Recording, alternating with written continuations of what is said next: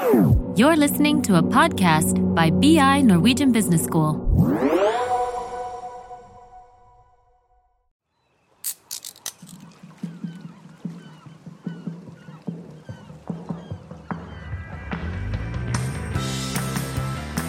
I dagens episode av vår podkast om bærekraftig finans har vi fått besøk av Heidi Finskas, eh, som er direktør for samfunnsansvar i KLP.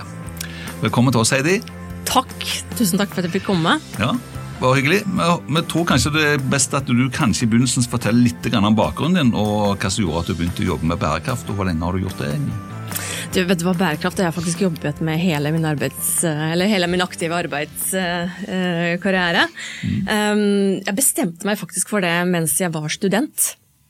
Eh, Jeg, så, jeg synes dette, altså Skjæringspunktet mellom politikken, samfunnet og den ene siden og næringslivet og de andre, det, det syns jeg var kjempespennende. Hvor, Så det hørtes ut som en spennende, spennende utdanningsinstitusjon som ga deg sånn inspirasjon. Hvor var det du, var du studerte? Dette var jo faktisk, jeg, jeg er statsviter til utdannelsen, uh, men dette var jo faktisk da, nå høres det ut som jeg er mye eldre enn jeg er, uh, men det viser vel heller hvor, hvor eh, mye ting har endret seg på bærekraftsfronten i, i det siste. Men når jeg var student, eh, for eh, så, ja, da var det rett og slett ikke noe fag eh, på bærekraft eh, i noe særlig grad. Eh, og det var jo heller ikke noen stillinger eh, egentlig innenfor bærekraft. De var et fåtall eh, i Norge. Så jeg husker da når jeg var nyutdannet og, og så at det kom en stillingsannonse eh, på bærekraft, da var det ikke sånn bare yes, den skal jeg søke og den skal jeg få. Det var jo mer den gleden over at den stillingen finnes. Da er det noen muligheter for meg. Eh, og så var jeg så heldig da, så jeg, jeg fikk den stillingen eh, faktisk, og, og har da vært så heldig at jeg har kunnet jobbe med bærekraft eh, og finans eh, helt siden da. Eh, og, eh, og nå da, eh, noen år senere, så er jo fortsatt minst like spennende. Altså For en spennende tid å jobbe med bærekraftig finans i dag, når det skjer så utrolig mye på alle fronter, eh, egentlig. Både i finansbransjen selv, det skjer mye rundt om i næringslivet, og ikke minst eh, myndighetene, eh, hvor jo nå, altså særlig EU, da, men også ellers politisk, så har jo bærekraft og finans fått et helt annet fokus enn det har hatt før. Det er det vi prøver å gjøre rett for her. For jeg tror kanskje at en del utdanningsinstitusjoner ligger litt bakpå. Eh, Så vi prøver jo så godt vi kan å eh, gjøre noe med det. Så derfor måte, vi har vi satt i gang ganske mange prosjekter her på BI som eh, vi merker stor interesse for. Og det er jo kjempebra. Og det var jo faktisk når jeg, jeg var en av gründerne til NorSIF, denne eh, foreningen for, eh, for finansbransjen som eh, nettopp skulle løfte bærekraft. Og det var en av de første tingene vi så på. Det var jo ingenting om bærekraft for finansstudenter. Og det begynte jo med kanskje, kanskje en gjesteforelesning om utelukkelsene til Statens pensjonsfond. Men det er på en måte ikke nok. Vi trenger så mye mer. Vi trenger å få det bakt inn i, i de tradisjonelle finansfagene. Og heldigvis så ser vi en veldig god utvikling der nå. Så takk til BI og andre utdanningsinstitusjoner for det. Ja, Vi håper og tror at vi er på ballen, og så får vi bare bli enda mer på ballen. Ikke sant, Geir? Jo, vi, vi prøver å være på ballen, da.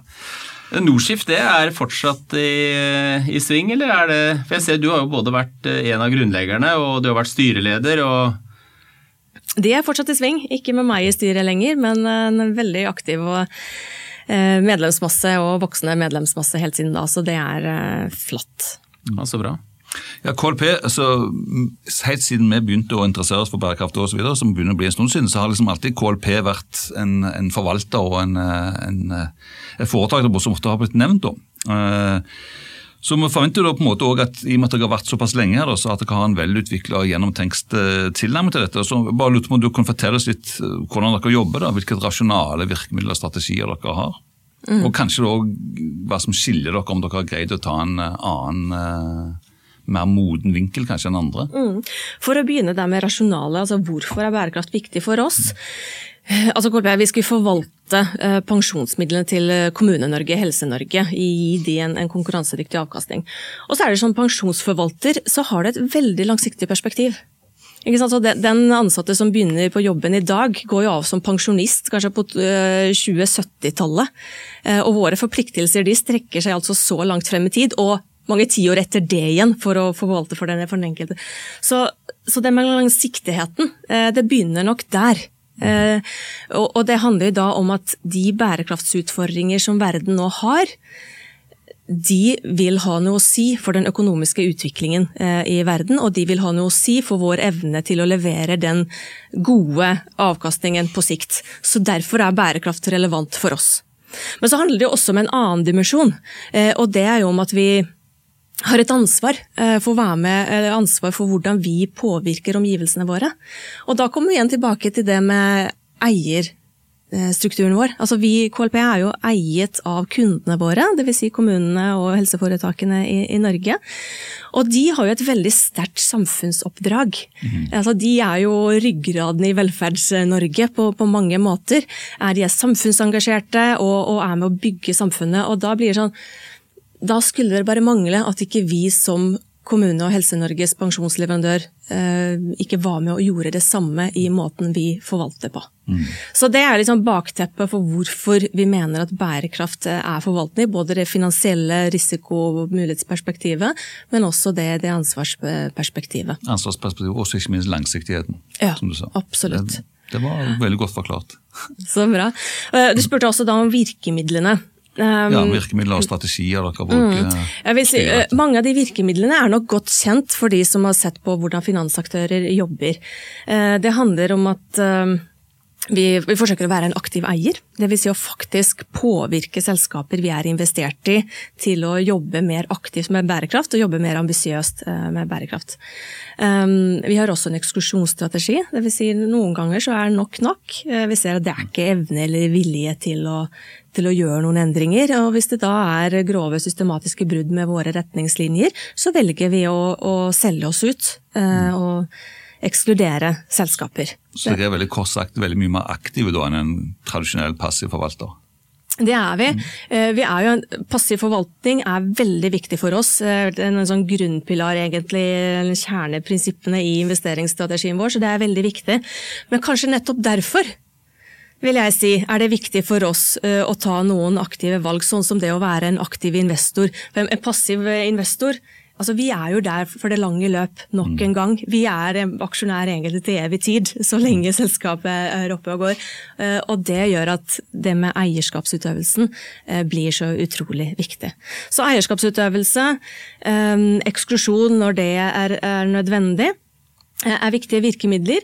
Men så er det også viktig for oss eh, det at vi gjør investeringer som har en direkte effekt eh, på, på bærekraft, eller, som da er finansielt eh, interessante for oss. Og Det gjelder da f.eks. For fornybar energi, hvor vi har en, en, betydelig satsing. Og hvor vi er en av få institusjonelle investorer som har jobbet med det lenge og bygget opp en betydelig portefølje over noen år. Ja, eh, Kjell og jeg, når vi kaller inn intervjuobjekter til podkastene våre, så gjør vi jo selvfølgelig en grundig bakgrunnssjekk. Eh, og det har vi også gjort med deg, da. Så bra. Eh, vi fant jo masse på nett, bl.a. en video på YouTube der du snakker nettopp om bærekraftige investeringer og fornybar energi. Ikke mindre enn en TED Talk. Ja, ikke mindre enn en TED Talk ja. må nevnes. Det må nevnes. Det så det var ikke så vanskelig å finne. Eh, og, og der, der, snakker du om uh, investeringer i fornybar energi uh, i utviklingsland, uh, Afrika da, i dette tilfellet. Og du starter jo videoen med å hevde at man kan få solid avkastning Eh, i den type prosjekter, og at man samtidig kan kontrollere risikoen. Fordi at De fleste av oss når vi tenker på investeringer i eh, utviklingsland, sånn som Kenya og Mosambik og sånn, som dere har vært inne i, så, så slår det oss at det er jo mye risiko som må håndteres. Kan du fortelle litt mer om deres eh, engasjement, engasjement i Afrika? Ja, det forteller jeg veldig gjerne om. Um, altså, det begynner med fornybar energi, for det vet vi jo alle. Altså, verden har et enormt behov for mer energi, uh, og da særlig fornybar, ren eh, energi. Altså, og ja, IEA uh, de viser jo til at skal vi ha en sjanse til å nå netto null-målet i 2050, så må vi faktisk tredoble investeringene i fornybar energi hvert år. Så fra og med nå. Hender til dere så var det en low hanging fruit at dere så, valgte så, det? Så dette er et eksempel på det er ikke noe tvil om at mer kapital må styres i den retningen. Og for oss, da igjen som den langsiktige investoren vi er, eh, og at dette er eh, gode finansielle, muligheter til god finansiell avkastning, så har fornybar energi vært et, et satsingsområde for oss lenge. Det startet riktignok i Norge, men så er det som du sier, altså utviklingsland, der om noe sted så er det et enormt behov. Det er virkelig der energiproduksjon må gå opp. Eh, dramatisk, eh, faktisk. Eh, så vi, vi, så på det. Hvor er Her burde vi faktisk investere hvis vi skal gjøre en ordentlig forskjell. Men så er det som du sier, det er mange risikoelementer her som vi er bekymret for. Altså Særlig med utviklingsland, så har du har ja, stabiliteten, den politiske stabiliteten, eh, de lokale valutene, hvordan påvirker det det finansielle bildet? Eh, finner vi noen partnere? Hva med korrupsjonsrisikoen? Altså det er en lang liste ulike risikoelementer som vi er bekymret for. Um, men vi tenkte sånn så at vi, vi må prøve eh, å nettopp jobbe godt med den, det risikobildet. For vi kan jo ikke la det risikobildet heller gjøre oss handlingslammet, eh, og si, at kapitalflyten stopper opp til disse markedene. La oss prøve å være med og bygge noen strukturer som gjør det mulig for institusjonelle investorer som oss, som er opptatt av den type risiko. Eh, så det vi har gjort er rett og slett å etablere noen nye samarbeid som skal kunne få institusjonelle investorer inn. Eh, og vi håper jo at det vi har gjort, da, både det at det konkret gir noen nye fond og samarbeidsstrukturer som andre investorer kan investere sammen med oss i, men også det at de skal se på det KLP har gjort som et godt eksempel og se at jo, men det går an. Eh, kanskje vi også kan tørre eh, å gjøre det. Men hva konkret er det dere faktisk gjør? Mm, det, konkret, det, det vi gjorde da, var å først å finne noen samarbeidspartnere. For vi tenkte at dette har ikke vi ekspertise på oss selv, disse markedene. Og vi ønsker heller ikke å, å, være Vi skal alltid være en finansiell investor. Vi skal ikke være den investoren som går inn og driver disse fornybarprosjektene selv. Vi ønsker eh, partnere som har den kompetansen og kan ta den type rolle. Allikevel, det er ganske stort steg å gå for å være forvalter til som man tradisjonelt tenker på det som enten en veldig passiv investor som bare følger en indeks, eller litt mer aktiv som plukker noen aksjer. Men det er fremdeles på rene finansielle investeringer. Her går dere inn med direkte investeringer. Det er jo, eh, kan du si for kort, Hvor kom den ideen fra? Hvor kom det mm. nye mandatet fra? Mm. Altså, hva, hva? Det er jo et helt eget mandat, en, en, eh, dedikert del av porteføljen som vi da har øremerket til den type investeringer. Mm. Og vi hadde nok aldri gjort det, hadde vi ikke også hatt noen direkte investeringer da i, i Norge.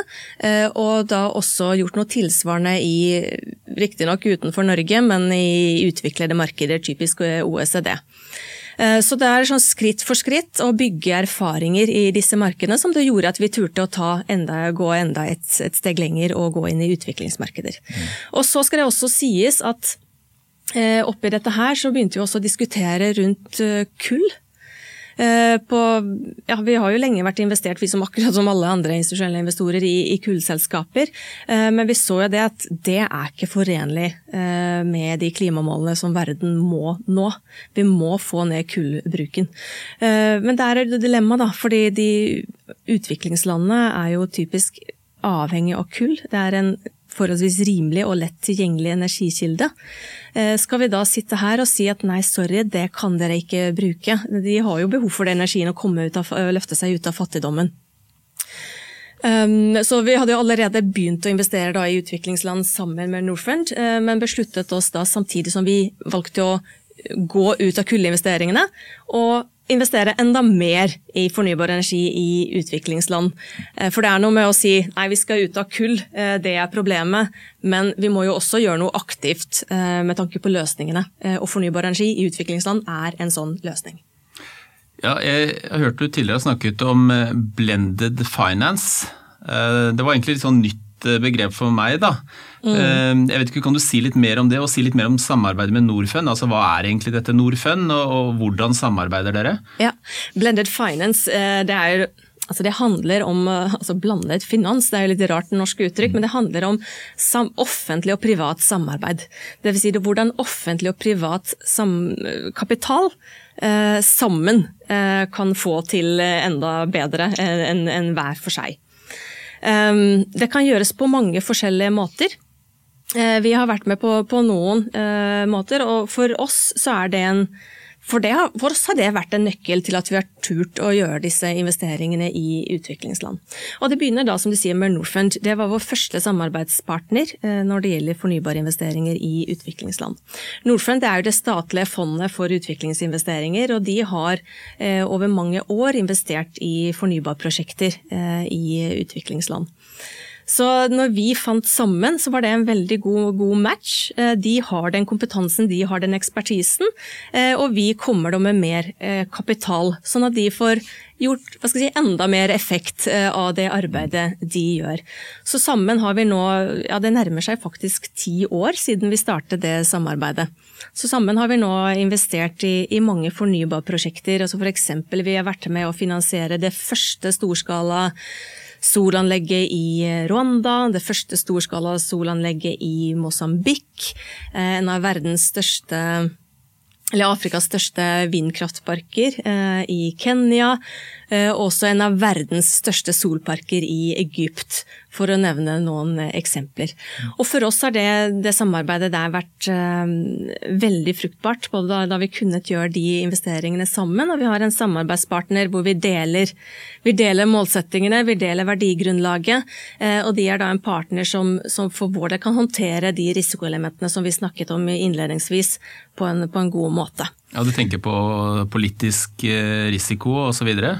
De har, den, de har, god erfaring fra disse typer markedene, så de vet hva de skal se etter. De, de, er gode på prosjektevaluering, de er gode på å konstruere prosjekter på en måte som håndterer den type governance-risikoer uh, for, for, oss. Og så, og så si da, I KLP så opplever vi også uh, at vi opplever det som tryggere uh, å gå ut med en, statlig samarbeidspartner, som igjen har de langsiktige perspektivene i, i vertsmarkedene.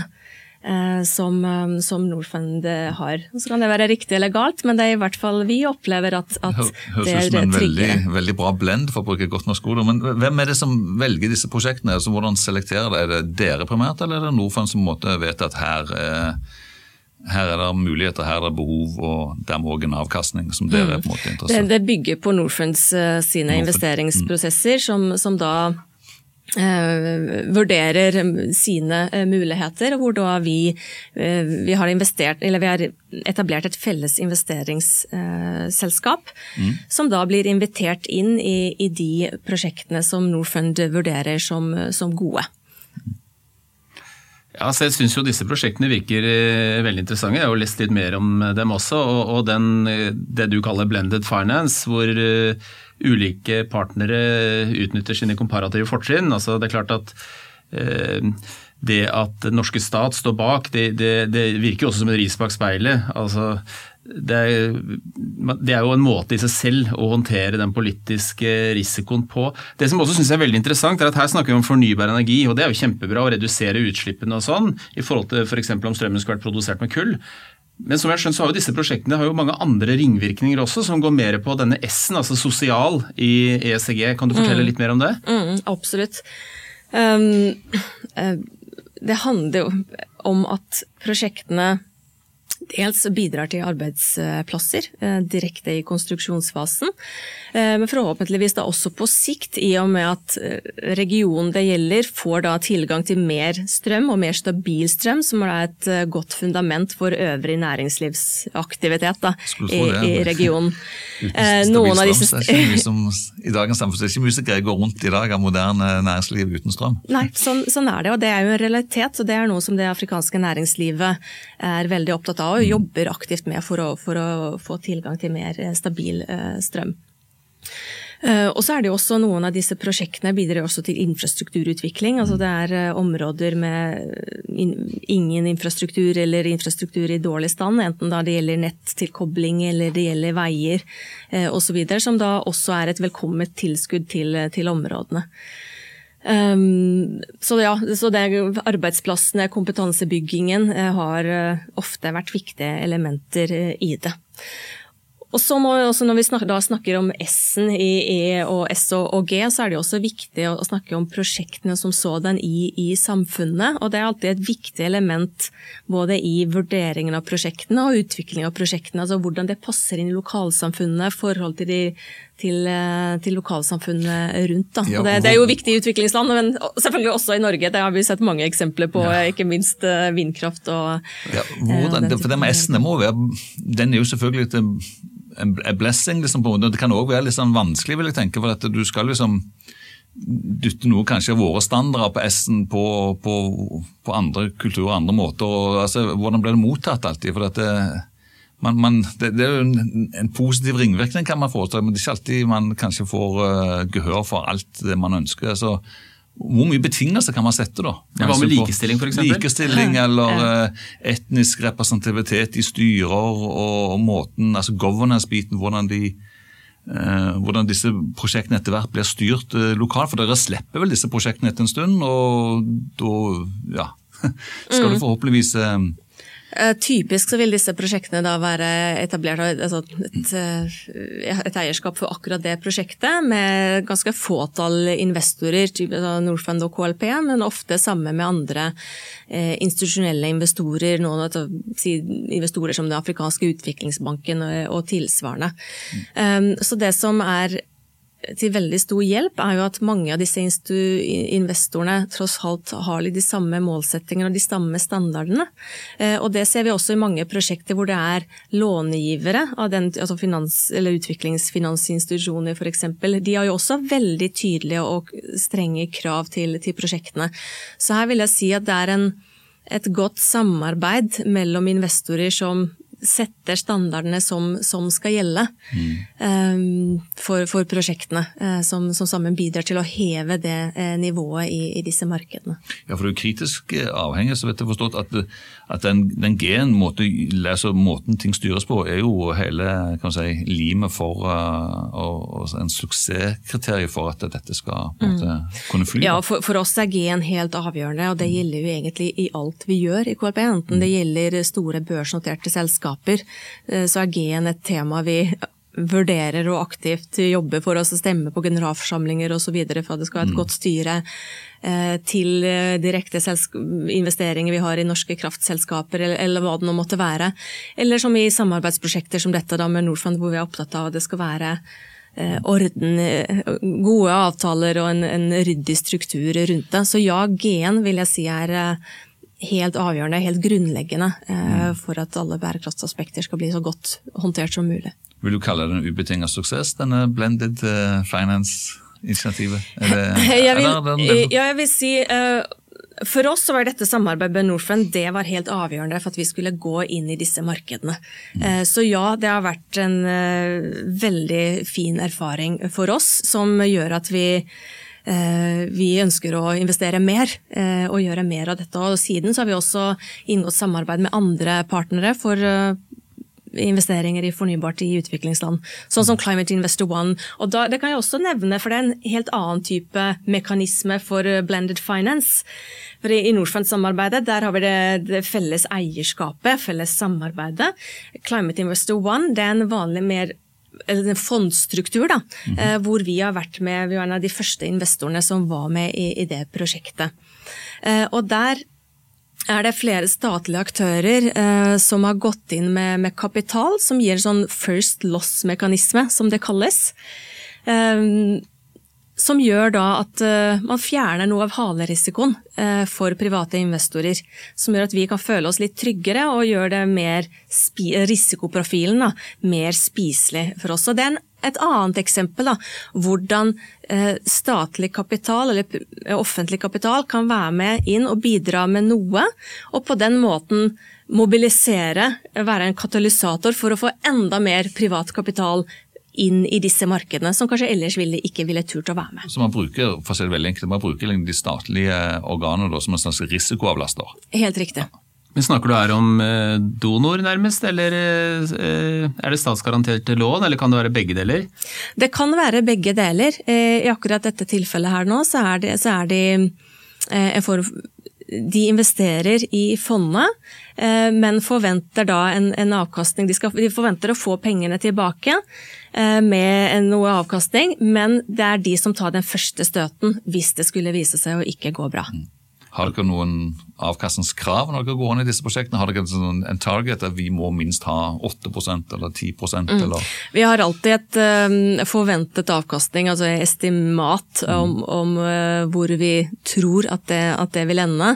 Uh, så alt alle våre investeringer er jo betinget av at vi forventer å få en god, god nok avkastning, gitt risikoprofilen. Ja, men hva slags avkastninger har dere hatt da? Nå har dere vært inne noen år, dere har vel noen erfaringer med hvordan det har gått?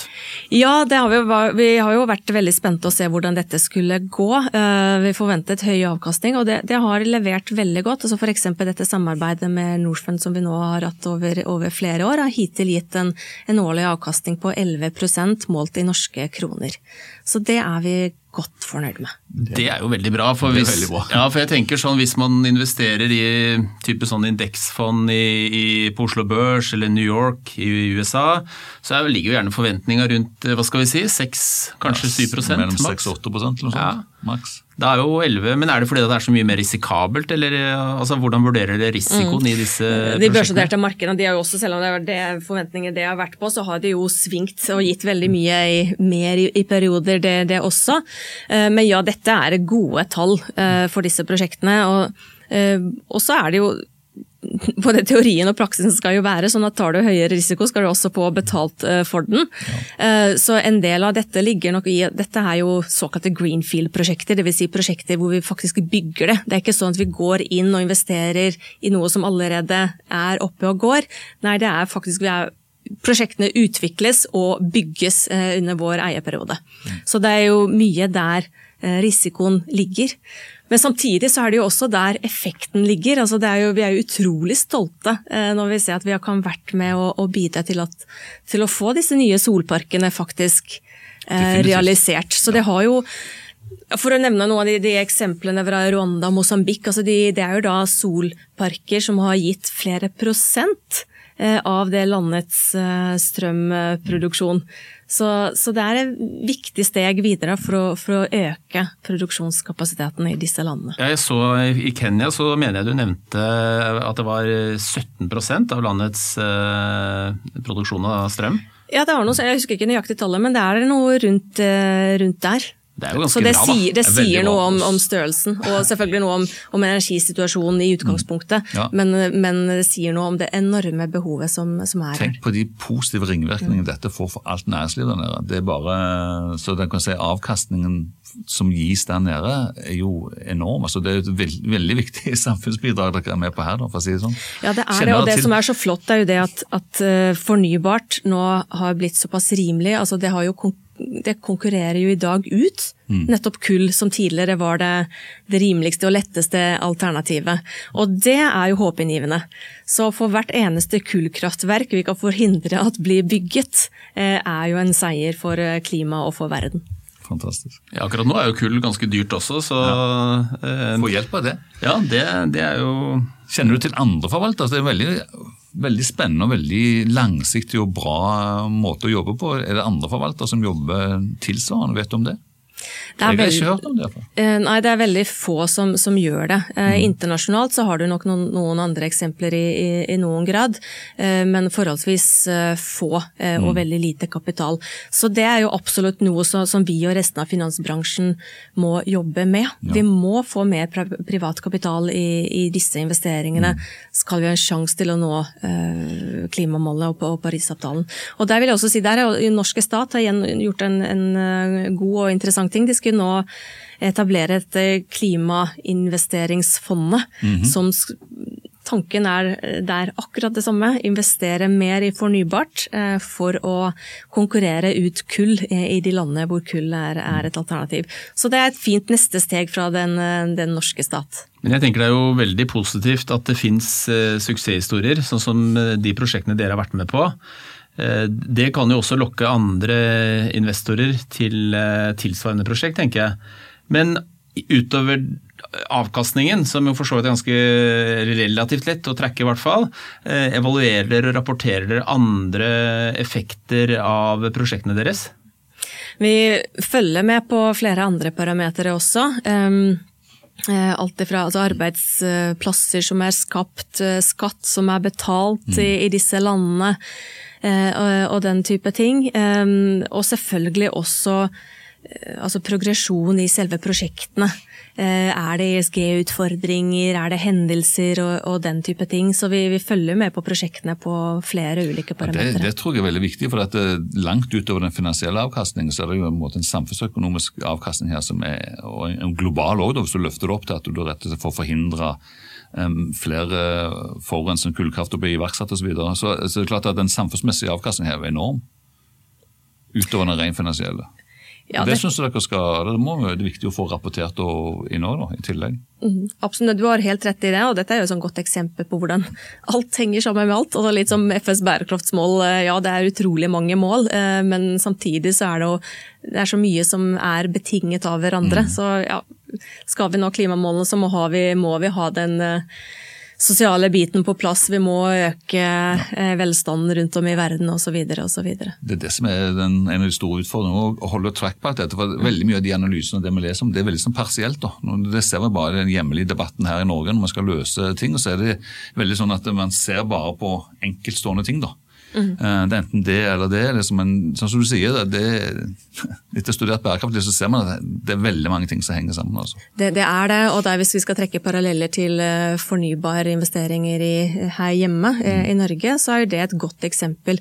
Nå har vi akkurat fått en dom fra Høyesterett som sier at deler av vindkraft, eller to av parkene rundt Fosen mm konsesjon for de er eh, lovstridig. Eh, og det er jo ett eksempel på, på S-en også, eh, mm. hvor og vindkraftmotstanden generelt i Norge har jo også vært et sånt eksempel at da har man ikke fått lokalsamfunnet med i tilstrekkelig grad. Det bør man gjøre noe med for at for at det skal løses. Da. Har gått veldig raskt denne vindkraftutbyggingen i Norge. Da. Men det er en lang diskusjon som går tilbake til det grønne sertifikatene, og det er kanskje litt, litt for eh, stor debatt å ta her nå mot, ja, jeg, mot slutten, greier ikke? Jo, jeg syns det blir kanskje litt drøyt å kjøre i gang med denne debatten nå, mm. men, men, jeg tenker når det gjelder disse prosjektene vi har snakket om her, da, og som KLP har investert i, så er det åpenbart at der kan man i det minste krysse på veldig mange av disse bærekraftsmålene, tenker jeg. Eh, så det man egentlig gjør, gjør, er jo at man gjennom samarbeid med Norfund og, og andre, så klarer man å håndtere de potensielle eh, negative eller problematiske sidene. Eh, samtidig som man klarer å, å, høste de positive sidene, både når det gjelder avkastning, men også andre eksterne effekter, om vi skal kalle det det, da, i form av arbeidsplasser, i form av å legge grunnlag for annen industri osv. Så, så Så der syns jeg disse prosjektene virker jo helt fantastiske. og man liksom, At man har klart å få til dette her over flere år. Det mm. syns jeg er veldig imponerende, og noe KLP burde være svært stolt av. Mm. Definitivt. Ja, Det er veldig hyggelig å høre. og Du, nei, du har helt rett i det. og, og eh, jeg tenker la oss, la oss, bygge på de gode erfaringene. og ja, i, i, verden nå må vi sammen både få flere prosjekter å investere i, og flere investorer som eh, bygger på disse gode erfaringene og går inn i markedene dette gjelder. Men Kjell, du ja. har jo et sånt uh, standard avrundingsspørsmål òg, har du ikke det? Ja, vi pleier jo å putte på det, ikke? men vi har et sånn lite signaturspørsmål her, Heidi, på, som vi stiller våre podkast-intervjuobjekter uh, som uh, Geir så jeg håper jeg kaldt kalte deg. Men det er liksom, hva gjorde du sist for miljøet sjøl? Nevn siste gode ting du gjorde for miljøet som du kan være stolt av. Hva gjorde jeg sist? Um, en av de store tingene uh, det var å installere bergvarme i huset. Ok, det er jo smart. Det er smart, og det er, det er den, si, den, lille private måten å bidra til, til mer fornybar energi eh, på.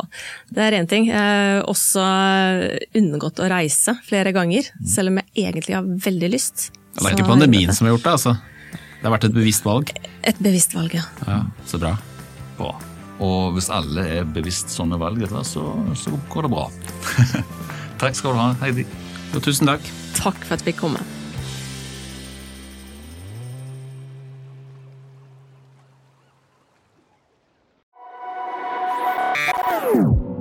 This is a BI production. Listen to more podcasts.